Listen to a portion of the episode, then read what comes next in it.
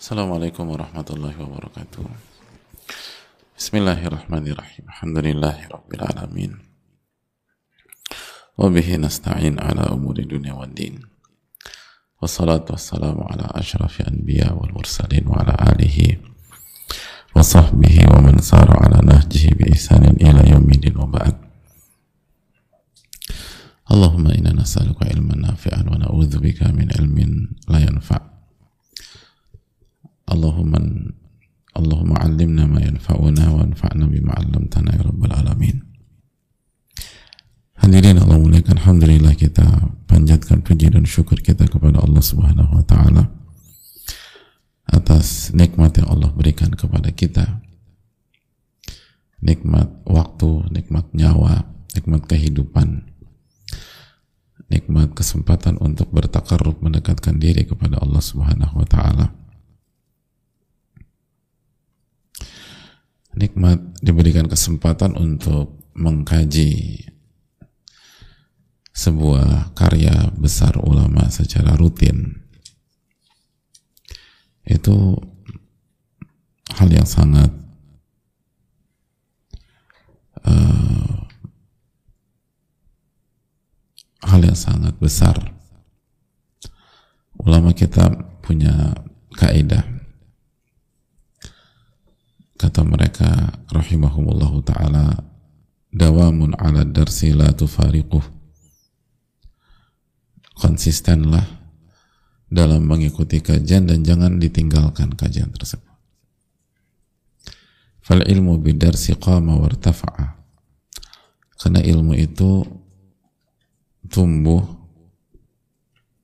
atau ilmu itu hidup dan tumbuh dengan kajian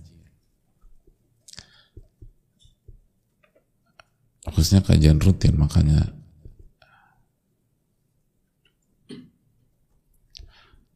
Jadi dawamun ala darsi la tufariqu. Konsistenlah ikut kajian dan jangan ditinggalkan.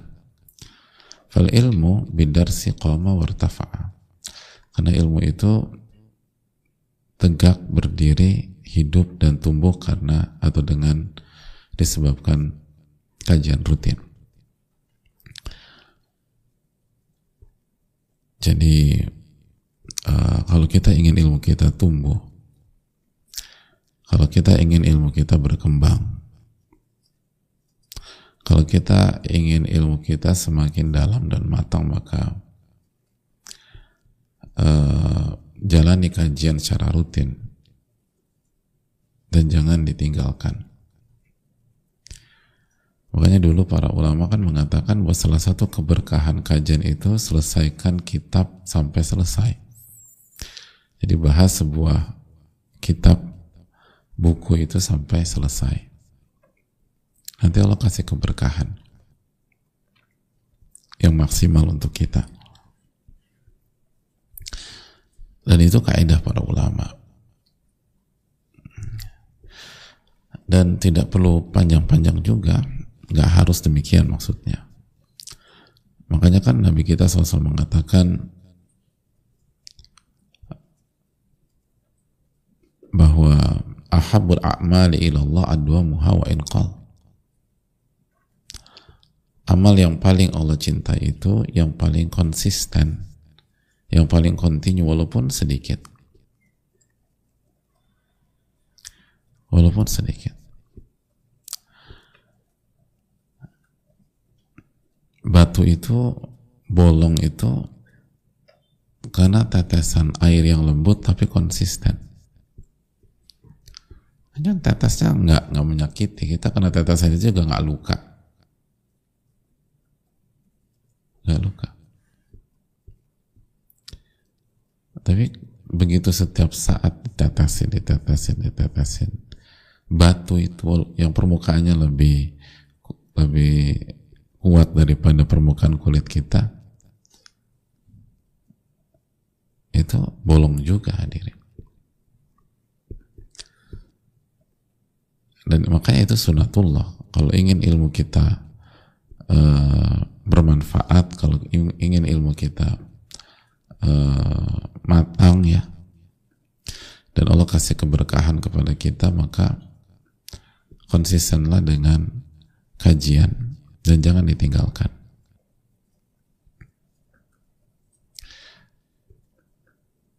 Dan bebas nggak nggak harus di misalnya kajian Solihin ini aja dengan dengan uh, guru atau ustadz atau ulama mana pun yang punya kapasitas yang punya uh, kapabilitas.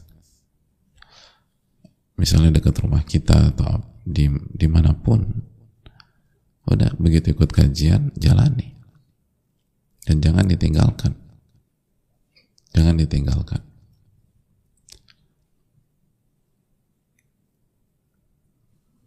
Gitu. Itu hal yang penting untuk kita camkan. Kayak misalnya Rasul yang ngajar Rasul kan banyak di di Indonesia banyak, di seluruh dunia banyak. Aku pengen belajar Rasulin tapi nggak bisa di rumah. Oh ternyata di lingkungan kantor ada kajian, ya udah di kantor. Oh kalau aku tuh di rumah, ya udah di komplek rumah atau di kampung di mana pun kata Az-Zabidi uh,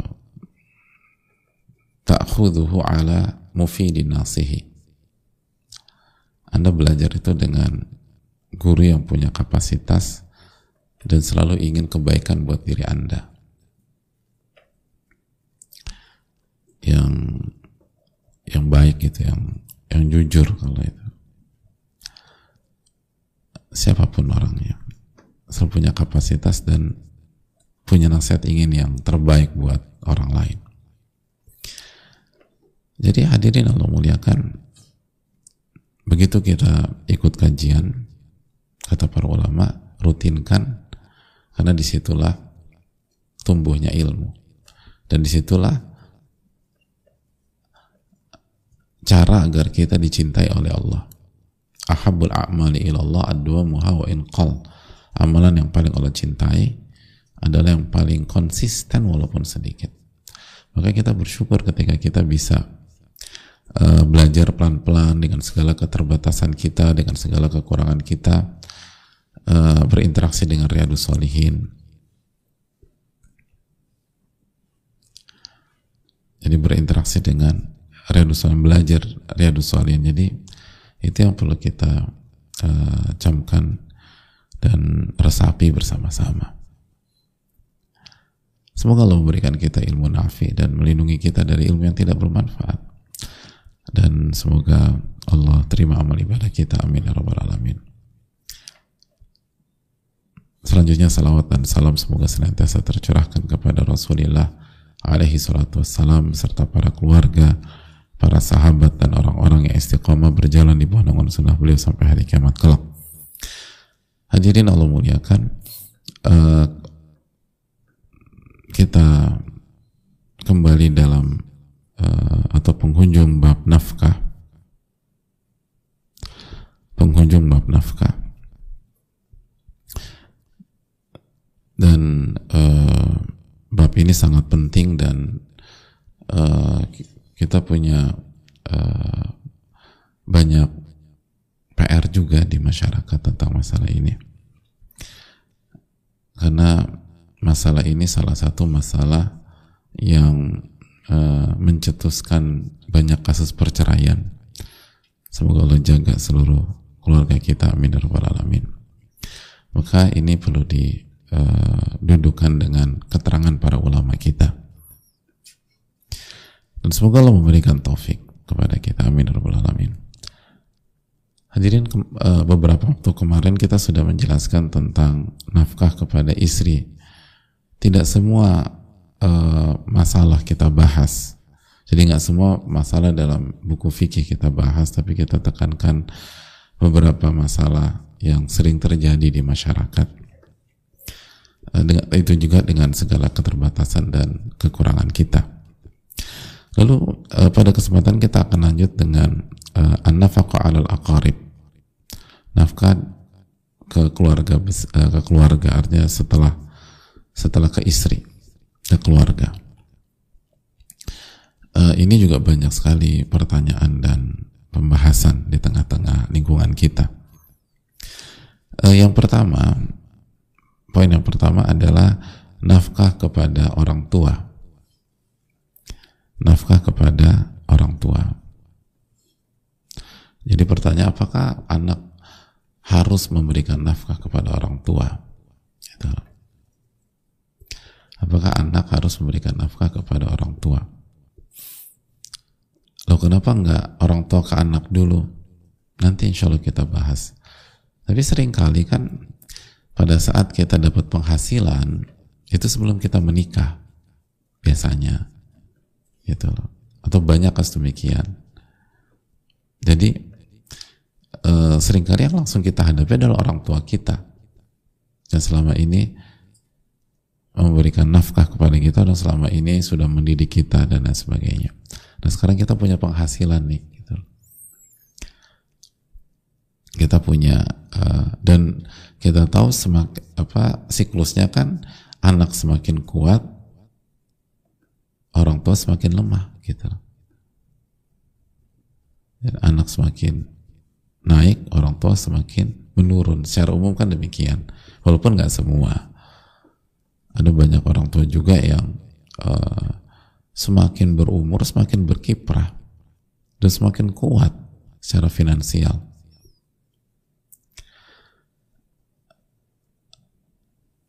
Tapi sering kali di masyarakat itu tadi anak akan bilang udah mulai sekarang ibu istirahat aja. Aku yang akan tanggung semua. Alhamdulillah aku sudah dapat penghasilan, aku sudah dapat gaji, bisnisku sudah berjalan dan seterusnya. Nah, sebenarnya gimana sih kedudukannya? Hadirin Allah muliakan. Di antara uh, keterangan atau pembahasan para ulama dalam masalah ini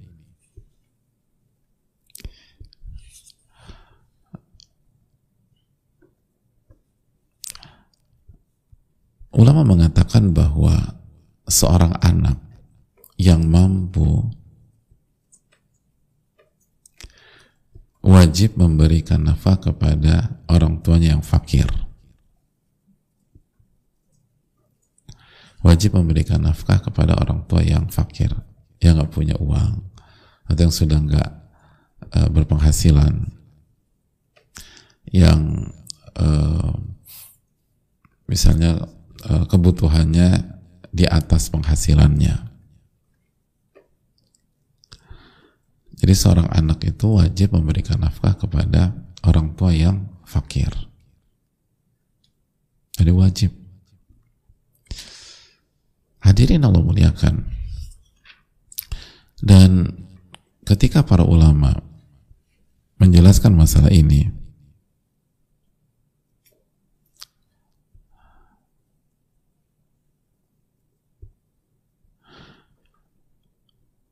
ulama menyatakan bahwa ada atau telah dinukilkan ijma tentang masalah ini. Jadi wajibnya seorang anak yang mampu memberikan nafkah kepada orang tuanya yang gak mampu. Nafkah ya bukan bukan sedekah, bukan ini, tapi nafkah. Memberikan nafkah. Jadi tidak ada perbedaan di kalangan para ulama. Tidak ada perbedaan di kalangan para ulama. Di antara yang menukarkan ijma misalnya Al-Imam Ibn Qudamah kata beliau al-aslu fi wujubi nafaqatil walidain wal mauludiyain al-kitab was sunnah wal ijma e, dasar dari wajibnya nafkah uh, orang tua dan anak itu Al-Quran, Sunnah dan Ijma. Al-Quran, Sunnah dan Ijma.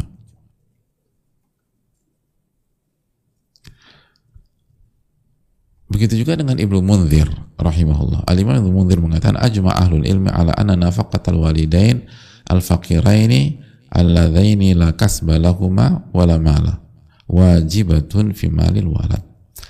Ulama telah bersepakat, telah berkonsensus, telah berijma bahwa nafkahnya orang tua yang fakir, yang tidak punya pemasukan, tidak punya usaha, gitu,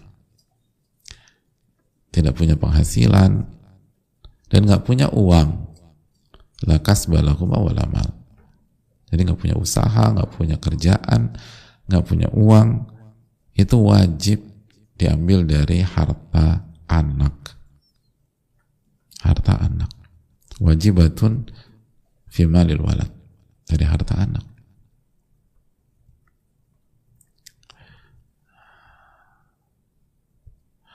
Begitu juga keterangan dari Asyaukani rahimahullah.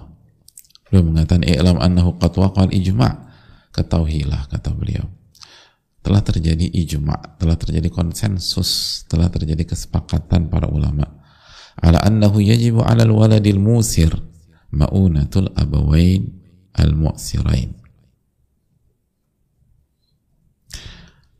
bahwa anak yang mampu yang diberikan kelapangan, kemudahan rizki ma'unatul abawain al-mu'sirain memberikan nafkah, mensupport uh, mengurus kedua orang tuanya yang kesulitan. Kedua orang tuanya yang kesulitan, yang nggak mampu, yang miskin atau yang fakir yang sedikit uangnya. Jadi eh, hadirin Allah muliakan.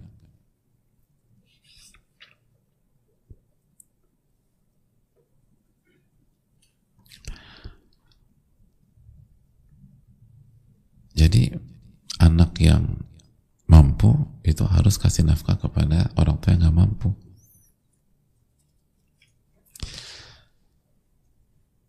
Di antara dalilnya para ulama mengatakan, kenapa sih para ulama bersepakat berijma?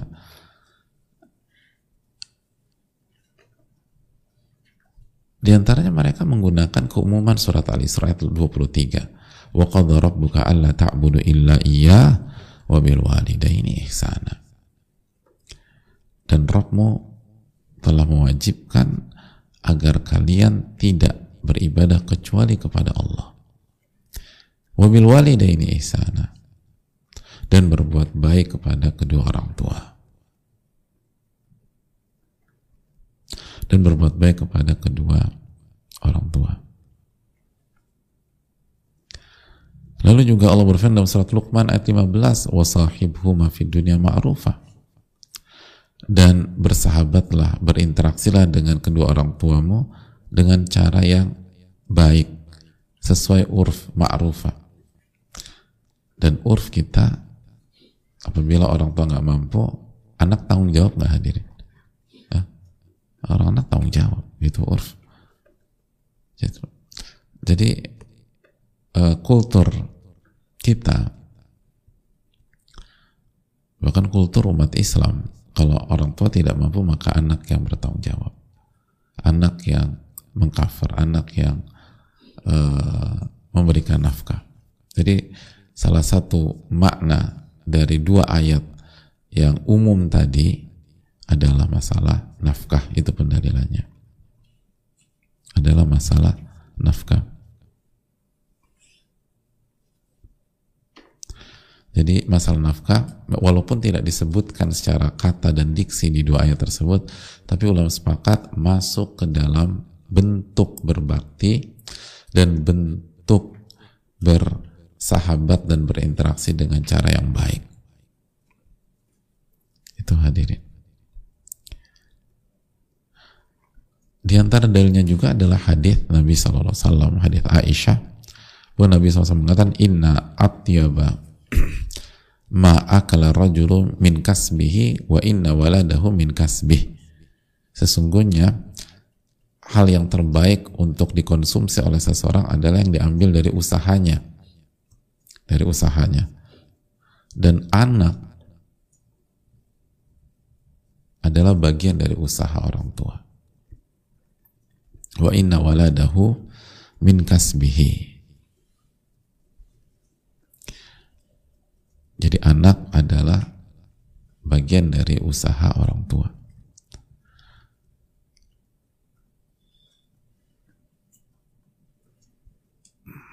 Gitu.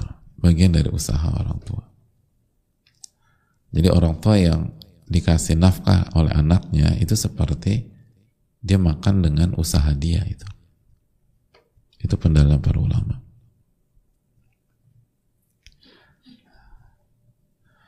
Makanya para ulama mengatakan hadis ini adalah dalil wajibnya memberikan nafkah kepada orang tua.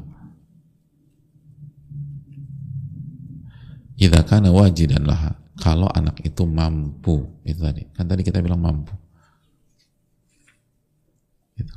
Tadi kita lihat ini tentang anak yang mampu ke orang tua yang tidak mampu. Gitu. Jadi wajib memberikan nafkah kepada orang tua jika anak itu mampu. Ini bisa keterangan bisa dicek dalam Ma'alimus Sunan karya Al-Khattabi rahimahullah taala. Itu hadir. Jadi kalau anak mampu maka ia wajib memberikan nafkah kepada orang tua yang tidak mampu. Itu uh, poinnya. Jadi lihat dari kondisi anak dan lihat dari kondisi orang tua. Dan tadi kita bacakan secara khusus keterangan para ulama biar kita langsung mendapatkan keterangan dari mereka. Keterangan dari dari mereka. Allah taala alam uh, bisawab.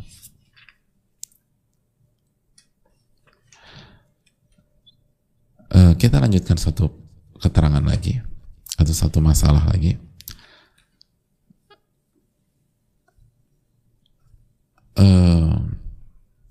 lalu bagaimana memberikan nafkah kepada kakek dan nenek?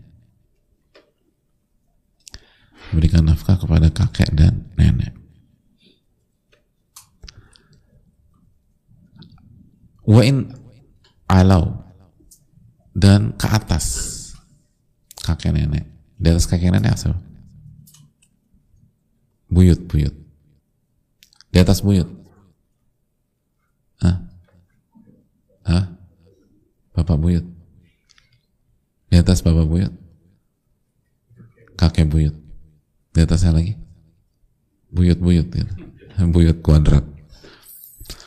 Nah, gimana apa hukum memberikan akad kepada kakek nenek? Hadirin Allah muliakan. Ternyata hal ini dibahas oleh para ulama dibahas oleh para ulama.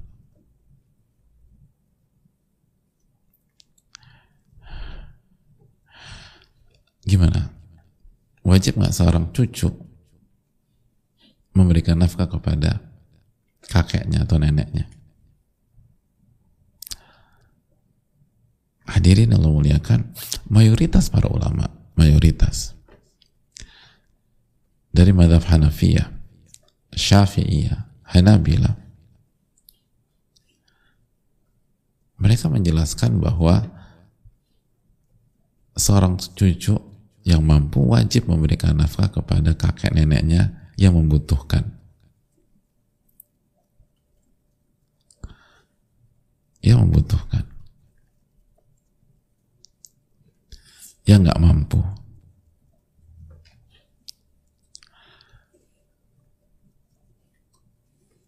Dalilnya apa? Dalilnya sama. Al-Isra ayat 23 dan Luqman ayat 15. Wa qadha rabbuka alla ta'budu illa iya wa bil walidaini ihsana. Dan Allah wajibkan agar kalian tidak beribadah kecuali kepada Allah dan berbaktilah kepada orang tua. Berbuat baiklah kepada orang tua. Lalu bagaimana pendalilannya? Jadi dalam ilmu itu hadirin kita butuh dalil dan met, eh, cara pendalilan. Dalil dan bagaimana memahami dalil tersebut. Selalu demikian. Kalau dalam bahasa fikih dalil dan wajhul istidlal. Dalil dan bagaimana pendalilan. Karena bisa jadi dalilnya valid, dalilnya sahih, tapi cara pendalilannya salah. Atau cara pendalilannya tidak mengikuti para ulama Dan ini adalah uh, kaidah sama dalam kesehatan.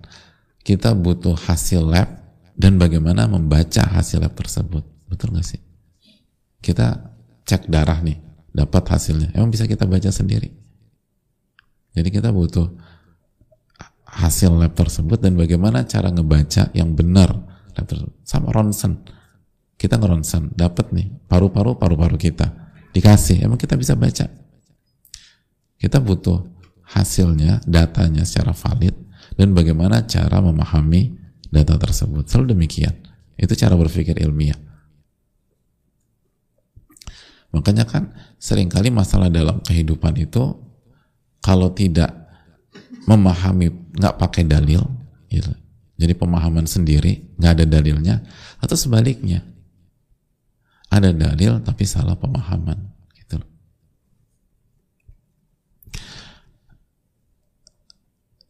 Uh, hadirin Allah muliakan. Nah, gimana cara pendalilannya? Mari kita lihat keterangan para ulama. Kata para ulama bahwa Allah memerintahkan kita berbakti dan berbuat baik kepada orang tua. Dan di antara makna berbakti tadi apa?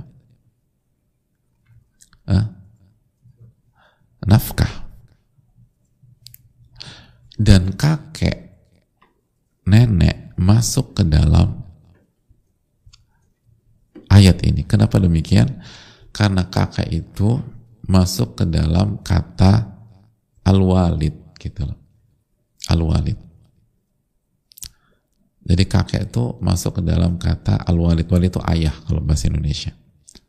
Gitu loh. Jadi dalam bahasa Arab kakek itu bisa dimasukkan ke dalam kata al-walid. Orang tua gitu loh. Jadi kakek nenek itu masuk ke dalam kata al-walid. Kan eh, anak namanya nam, bahasa Arabnya apa? Walad ya.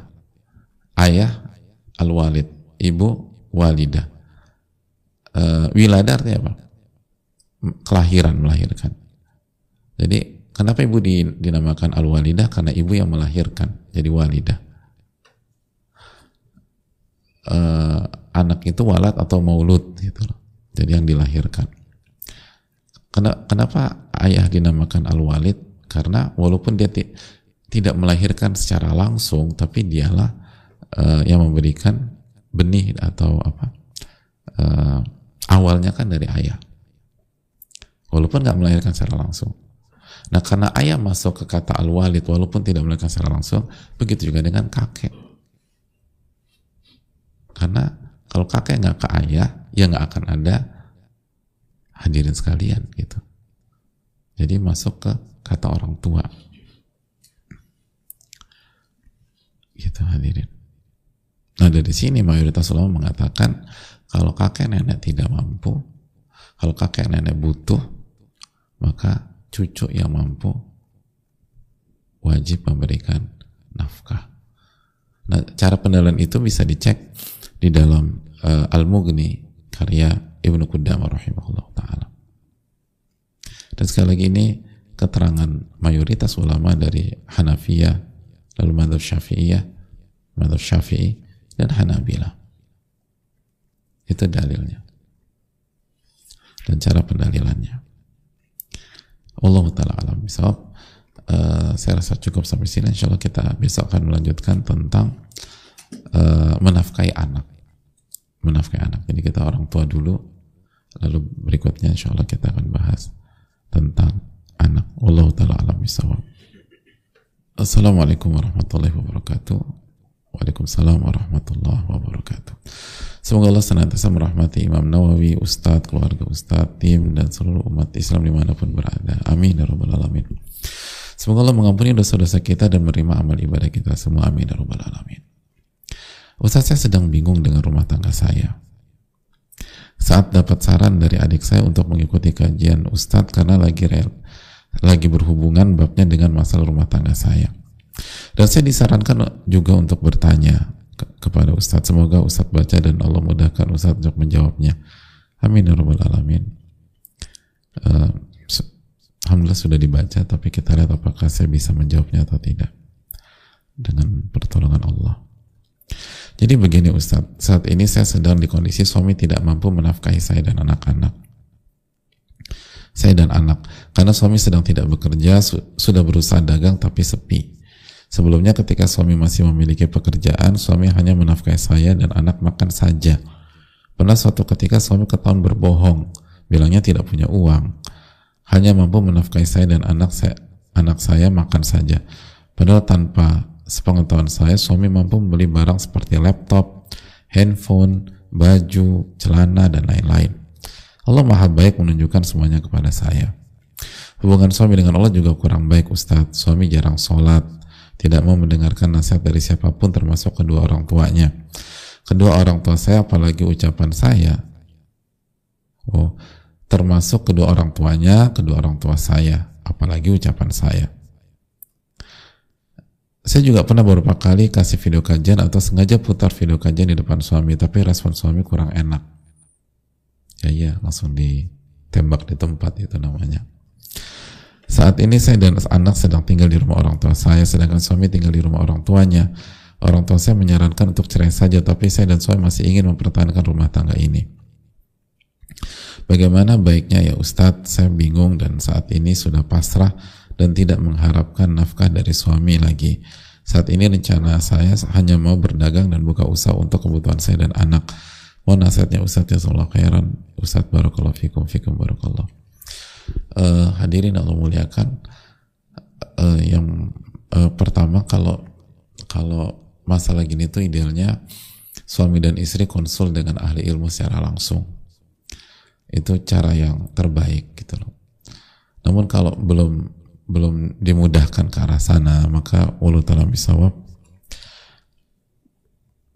uh, kita tahu bersama-sama bahwa uh, bab nafkah dan kita udah bahas panjang lebar ya itu sangat berkaitan dengan ketakwaan. Berkaitan dengan ketakwaan. Karena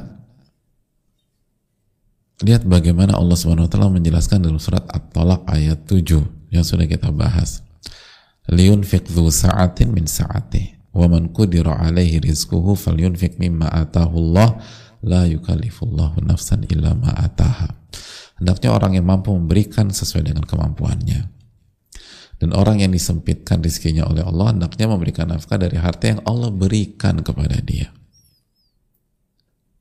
Dan Allah nggak membebankan kepada seseorang melainkan sesuai dengan apa yang Allah berikan. Jadi nafkah itu dari Allah. Kita kita dapat uh, rizki itu dari Allah. Dan Allah minta rizki yang Allah kasih itu kita berikan kepada istri dan anak kita sebagai nafkah. Jadi ini sangat berkait. Ini nggak bisa dipisahkan dengan Allah Subhanahu Wa Taala. Jadi jangan hanya bicara tentang masalah teknis, masalah teknis, masalah teknis. Walaupun teknis itu penting, teknis penting. Tapi ini nggak bisa dipisahkan dengan Allah. Nabi SAW bersabda, "Lau lau annakum tawakkaluna 'ala Allahi haqqa tawakkuli la razaqakum kama yarzuqu tayra taglu khimasan wa taruhu bitana." Kalau kalian benar-benar bertawakal kepada Allah dengan sebenar-benarnya tawakal, maka Allah akan berikan rizki kepada kalian sebagaimana memberikan rizki kepada seekor burung yang dat, uh, keluar di pagi hari dalam kondisi lapar dan pergi eh maaf dan pulang di waktu sore dalam kondisi kenyang. Jadi makanya kalau kita lihat ini kan jika kita benar-benar bertawakal, bertawakal itu menyanda, menyerahkan kepada Allah secara hati, secara harapan, secara asa. Lalu kita berjuang habis-habisan secara teknis. Maka nggak sampai 12 jam. Kan pagi sampai sore. Insya, insya Allah nggak sampai 12 atau 12 jam lah. Kita sudah dapat rezeki dan kita bisa kasih nafkah kepada istri dan anak kita. Jadi nggak perlu nunggu satu tahun, nggak nunggu enam bulan, karena Nabi SAW mengatakan, Allah akan kasih kayak burung. Jadi ketika kita uh, apa uh, mendengar misalnya ucapan udah satu tahun berusaha tapi tetap nggak dapat hasil. Akhirnya so, kita nggak bisa nafkahin istri dan anak. Harus nunggu satu tahun. Asal itu tadi lau annakum tawakkaluna ala Allah haqqa tawakulih kalau kalian benar-benar bertawakal kalau dengan sebenar-benarnya tawakal jadi coba evaluasi ini sebagaimana tadi disampaikan jarang sholat ini kan bahaya jarang sholat itu Padahal Allah berfirman, "Wasta'inu bis sabri was salat." Minta pertolongan kepada Allah dengan sabar dan sholat. Gitu. Sholat sama rezeki itu nggak bisa dipisahkan hadirin. Jadi ini yang perlu direnungkan. Memang perbaiki hubungan dengan Allah perbaiki ibadah dengan Allah, perbaiki kewajiban-kewajiban kita. Lalu yang kedua coba diselesaikan bersama suami. E, beda tempat tinggal suami di rumah orang tuanya, kita di rumah orang tua kita itu tidak kondusif. Tidak kondusif. Masih ingat hadirin sekalian uh, pembahasan kemarin tentang nafkah kepada uh, istri yang ditalak rojai. Istri talak rojai. Talak rojai itu talak berapa? Hmm? Ah, satu dan dua. Pertanyaan berikutnya, wajibkah suami memberikan nafkah kepada istri yang ditalak atau yang di masa idah saat setelah ditalak rojai? Wajib.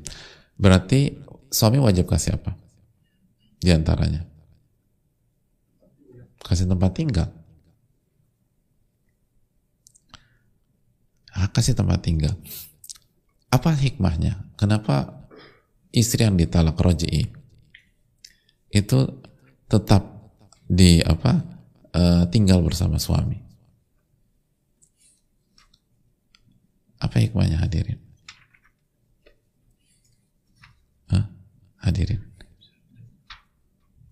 Hah? Agar peluang rujuk itu besar. Agar masalah nggak ke mana-mana. Masalah ter terblok dari pihak-pihak luar. Karena kalau istri kembali ke rumah orang tua lalu suami di rumah orang apalagi rumah orang tua kira-kira ketahuan apa enggak sama orang tua ya jelas lah saya ingin tanya pengalaman rumah tangga orang tua sama pengalaman rumah tangga anaknya lamaan mana? Hmm, susah pertanyaannya. Jadi ya kita tinggal sama orang orang tua kita yang punya punya apa intuisi kuat tentang anaknya, ikatan batin, lalu pengalaman rumah tangganya ber, jauh mungkin dua kali lipat kita, ya ini akan tercium, akan terbuka, akhirnya panjang.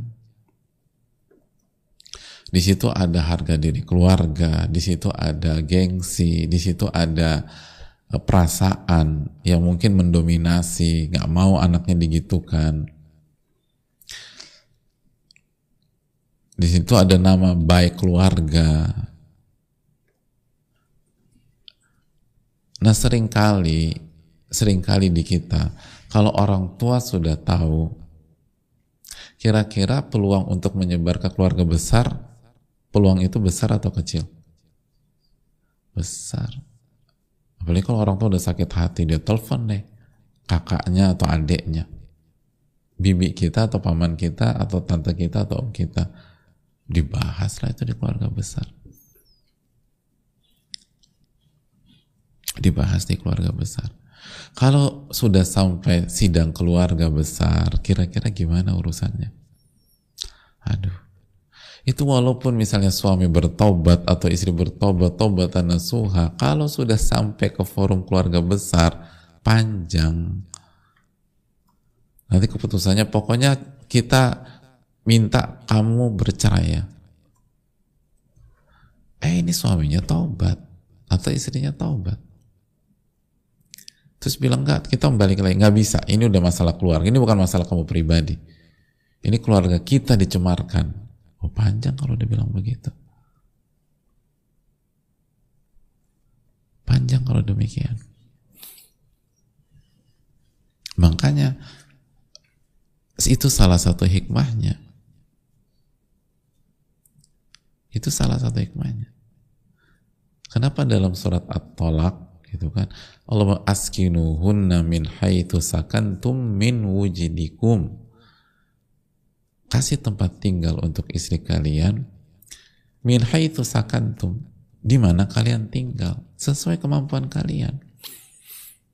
Itu surat tolak, surat talak. Dan itulah salah satu hikmah kenapa itu berbeda jika apa namanya istrinya ditalak dengan talak bain dan tidak hamil. Masih ingat pembahasannya? Kenapa? Karena talak bain begitu talak udah selesai. Udah nggak ada peluang untuk rujuk gitu loh. Itu perbedaan. Kenapa dibedakan sama ulama? Jadi uh, sekali lagi uh, hadirin Allah muliakan.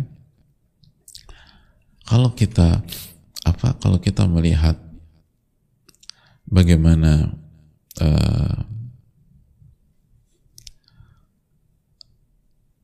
agama kita mengatur masa itu luar biasa. Kenapa? Sekali lagi istri yang ditalak-talak roji harus dikasih nafkah. Dan salah satu nafkah adalah tempat tinggal. Dan tempat tinggal bersama dengan suami agar masalah itu gak keluar, gak ke mana-mana. Karena cara berpikir ilmiah adalah kerucutkan masalah. Lalu sempitkan ranah masalah. Jangan ma semakin semakin masalah meluas melebar semakin susah untuk dikendalikan. Makin sulit untuk dikontrol.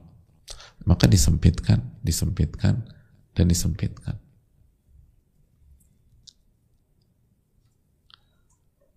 Dan yang jadi kendala di, di, di banyak kita begitu ada masalah ke rumah orang tua. Jadi kalau ini masalah sudah talak, apalagi belum talak, apalagi ke, perginya ke rumah orang tua ya itu akan jadi konsumsi keluarga besar. Nah kalau konsumsi keluarga panjang.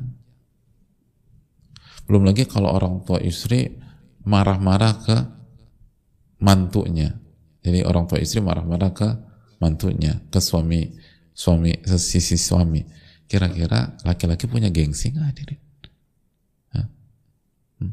nggak punya ini laki-laki nggak punya Nyaman gak dimarahin sama mertua gitu? Udah tambah pel pelik udah masalah. Yang awalnya mau tobat, mau berubah, ditunjuk-tunjuk, dibodoh-bodohin gitu loh. Akhirnya udah keluar hawa nafsunya. Nah kalau hawa nafsu versus hawa nafsu yang menang siapa kalau bukan syaitan?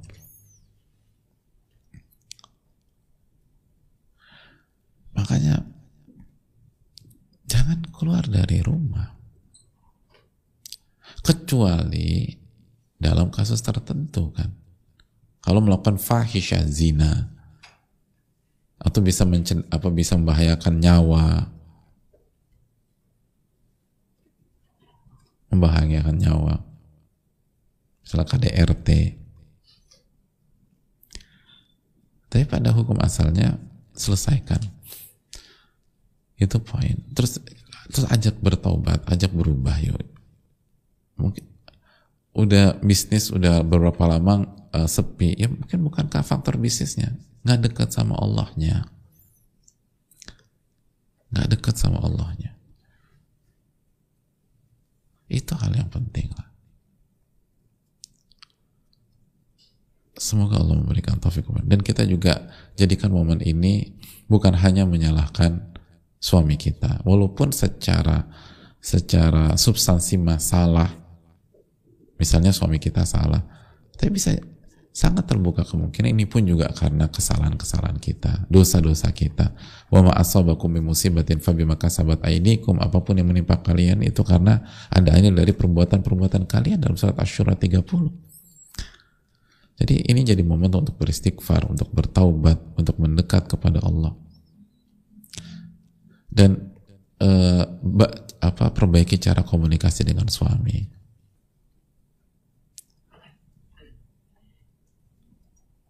perbaiki cara komunikasi dengan suami.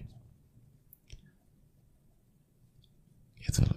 Jangan suami di sulit untuk masuk ke suami kalau suaminya ditekan gitu. Dan sering kali cara menekan suami yang dilakukan oleh sebagian istri yang sudah ngaji adalah dikencengin tuh kajian gitu loh, depan suami. Dan banyak kan suami kan nggak bodoh juga ya dia tahu ini nyindir gua nih gitu loh. Nah kalau suami merasa disindir ya rame masalahnya. Gitu loh. Jadi nggak jangan putar kajian depan saya bukan begitu juga. Natural. Terus imbangi dengan sikap kita kepada suami khidmat kita sebagai istri kepada suami bicara dengan penuh kelembutan. Ini yang perlu kita renungkan Allah Ta'ala dan banyak doa. Seringkali ini kita sibuk dakwahin orang lupa mendoakan mereka. Kita berpengen suami kita ini tapi kita lupa doain suami. Allah Ta'ala bisa mungkin itu. Waktu sudah habis hadirin. Semoga bermanfaat dan semoga Allah mengampuni segala khilaf kita. Insyaallah kita akan lanjutkan berikutnya karena uh, uh, ilmu-ilmu seperti ini penting uh, bagi kita dan sangat menentukan uh, jalannya uh, uh, kehidupan kita. Dan ada banyak orang nggak memberikan nafkah karena nggak ngerti, karena nggak tahu, karena merasa ini bukan tanggung jawab saya gitu. Padahal tanggung jawab dia itu ini kan itu kan apa uh, anak yang mampu wajib memberikan nafkah kepada orang tua yang nggak mampu. Banyak anak mampu berpikir cukup kasih hadiah aja. Cukup ini padahal ini bukan hanya tentang hadiah ini tentang nafkah. Allah telah bisa apa ini bisa disampaikan. Subhanakallahumma wa ilaha anta. Assalamualaikum warahmatullahi wabarakatuh. Syukur